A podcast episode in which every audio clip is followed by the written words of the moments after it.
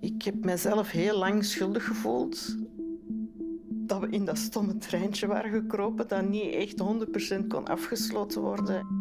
Uiteindelijk hebben ze dan beslist van zo iemand van boven tot onder gewapend mee bij ons in ons treinwagonnetje te zetten en die moest ons dan beschermen. 21 juni 2018. Het dierenpark Plankendaal in Muizen bij Mechelen ging nog maar net open. Of daar gebeurde iets wat je alleen in filmscenario's verwacht.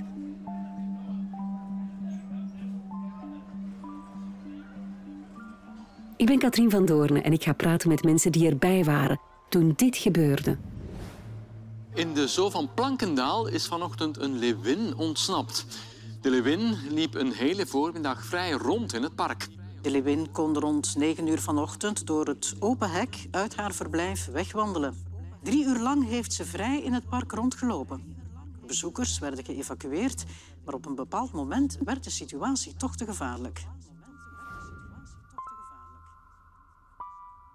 Ik ben Monique de Kort en ik was erbij. Het was donderdag 21 juni 2018 en Monique en haar man planden een uitstap naar het dierenpark Plankendaal in Muizen. We hebben geprobeerd van voor de files er te zijn en sowieso tegen dat het open is voor de abonnees. Dat is altijd de planning bij ons, om vroeg genoeg te zijn om het grote volk te vermijden. Dat is eigenlijk een uurtje dat je rust hebt om op je gemak foto's te nemen en rond te kijken. Wij waren daar met ons tweeën aan het wandelen en we liepen daar op ons gemak richting de Leeuwen eigenlijk. Toen we ineens een geluid hoorden uit de luidspreker.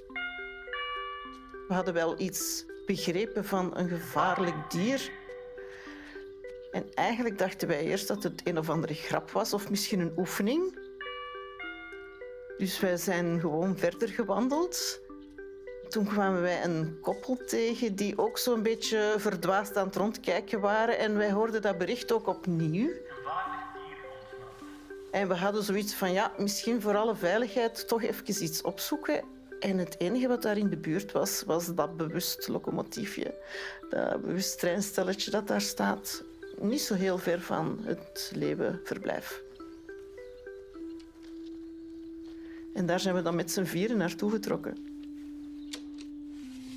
Ook zeggen dat de deuren niet echt 100% meer intact waren, maar het leek ons op dat moment de beste plek om te gaan zitten en af te wachten van wat gebeurt er hier eigenlijk. Wij waren uh, niet bang. Nee, het andere koppel, daar durf ik het niet van zeggen. Maar zelf hadden wij niet echt het gevoel dat er gevaar dreig. Uh, ik heb wel via Facebook zoiets van... Er is iets aan de hand in Blankendaal. Wij weten niet wat. Weten jullie wat er hier gebeurt? Want wij weten niet wat er gebeurt. Wij zitten hier al een tijdje in een treintje. En wij weten niet wat er aan de hand is. Dat is het eigenlijk. En dan kregen wij zo berichtjes van andere mensen van er is een leeuw ontsnapt. En we dachten van, ah ja, dan klopt dat. Er is inderdaad een gevaarlijk dier dat rondloopt.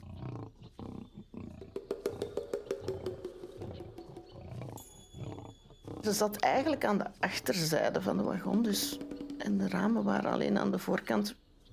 Ze is geen ene keer in onze buurt echt geweest, zichtbaar.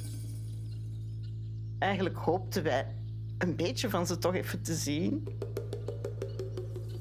Maar verder, ja, hebben wij ook geen enkel moment het idee gehad dat die leeuwin ons zou komen aanvallen. Die deuren waren dicht, oké. Die sloten niet perfect, maar mijn indruk was niet dat die leeuwin dat zou komen openmaken. Drie uur lang is geprobeerd haar te verdoven, maar dat mislukte tot twee keer toe. Op een bepaald moment komt ze op minder dan 10 meter van deze treinwagon, een decorelement waarin vier volwassen mensen schuilen. Op een gegeven moment is er dan iemand van een speciale eenheid mee op de wagon gekomen. Dat heeft nog wel een hele tijd geduurd, maar ja, wij zagen een hele hoop eh, komen en gaan. We zagen auto's passeren. Ze hebben nog even gedacht van, zullen we ze eruit laten of niet? En uiteindelijk hebben ze dan beslist van zo iemand van boven tot onder gewapend mee bij ons in ons treinwagonnetje te zetten en die moest ons dan beschermen. Om eerlijk te zijn, ik vond dat eigenlijk indrukwekkender dan het feit dat, dat die Lewin rondliep. Die man had ook een walkie-talkie bij en daar konden wij eigenlijk een beetje volgen wat er allemaal bezig was. We hadden ondertussen ook al gehoord dat ze hadden geprobeerd van die te verdoven, dat dat mislukt was. Er is ook een tweede poging geweest. En ja, wij hoorden ook al langer hoe meer dat er sprake van was dat ze die zouden gaan uitschakelen. En ja, ik was daar helemaal niet blij mee. Ja, vooral, ze was gesignaleerd bij de zwijnen en ze heeft die beestjes eigenlijk ook niks gedaan. Dus zo vreselijk honger zal ze ook niet gehad hebben. En mijn kennis van dieren zegt, als zij geen honger heeft, gaat zij ons echt niet per se komen opzoeken. Er is van alles aan de hand. Er staan daar auto's, dat beest blijft gewoon weg. Dus ik had zoiets, wij zitten daar perfect. En ik had tegen mijn man ook al gezegd van ja, en als dat moet, dan blijven we hier slapen en we zullen wel zien wat er gebeurt.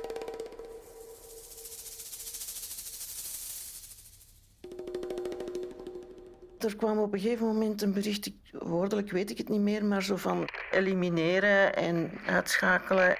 En ik had zoiets van, oh nee, dat mag niet gebeuren. Ik heb ook tegen die man gezegd van, er is toch niks aan de hand, laat dat beest gewoon doen. Dat komt wel goed. Die gaat van zichzelf wel gaan rusten. Misschien komt er wel een moment dat ze haar wel kunnen verdoven. Maar ik voelde het al gebeuren, ja. En daar was ik eigenlijk meer lastig van dan van het feit dat hij er rondliep. Daarop wordt beslist het dier te doden. Blijkbaar was Monique niet de enige die zich afvroeg of er geen andere opties waren. Wat ik niet begrijp is waarom dat men niet meerdere pogingen heeft ondernomen om te verdoven. Vlaams minister voor Dierenwelzijn Ben Weits. Dus men heeft het maar twee keren geprobeerd en vervolgens is men dan overgegaan tot het echt doodschieten.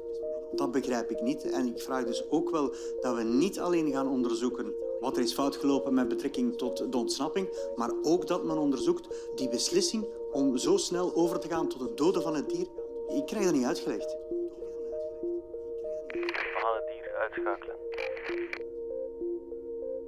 Ik vond de beslissing te snel. Er was eigenlijk geen gevaar voor mensen.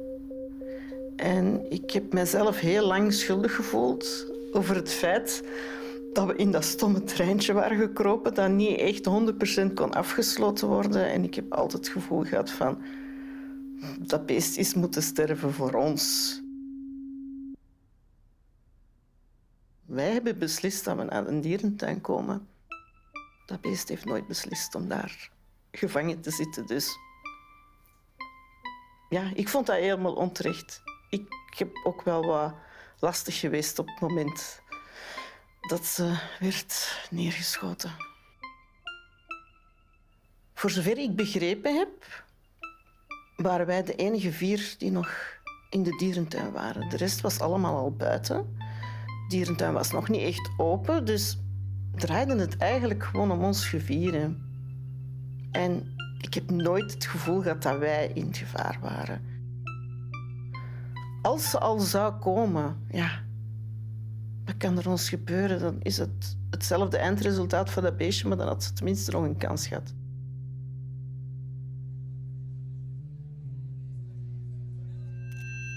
Een dramatische dag voor, uh, voor Plankendaal. Directeur Dries Herpoelaert. Een dramatische dag voor iedereen die uh, in een dierentuin werkt, want dit is waar elke dierentuindirecteur voor vreest en hoopt nooit te moeten doen of nooit te moeten meemaken. We weten al zeker dat er geen gebreken waren aan het verblijf of de perimeter van het verblijf. Dus we denken dat het nu om een menselijke fout gaat. Monique komt nog altijd in Plankendaal.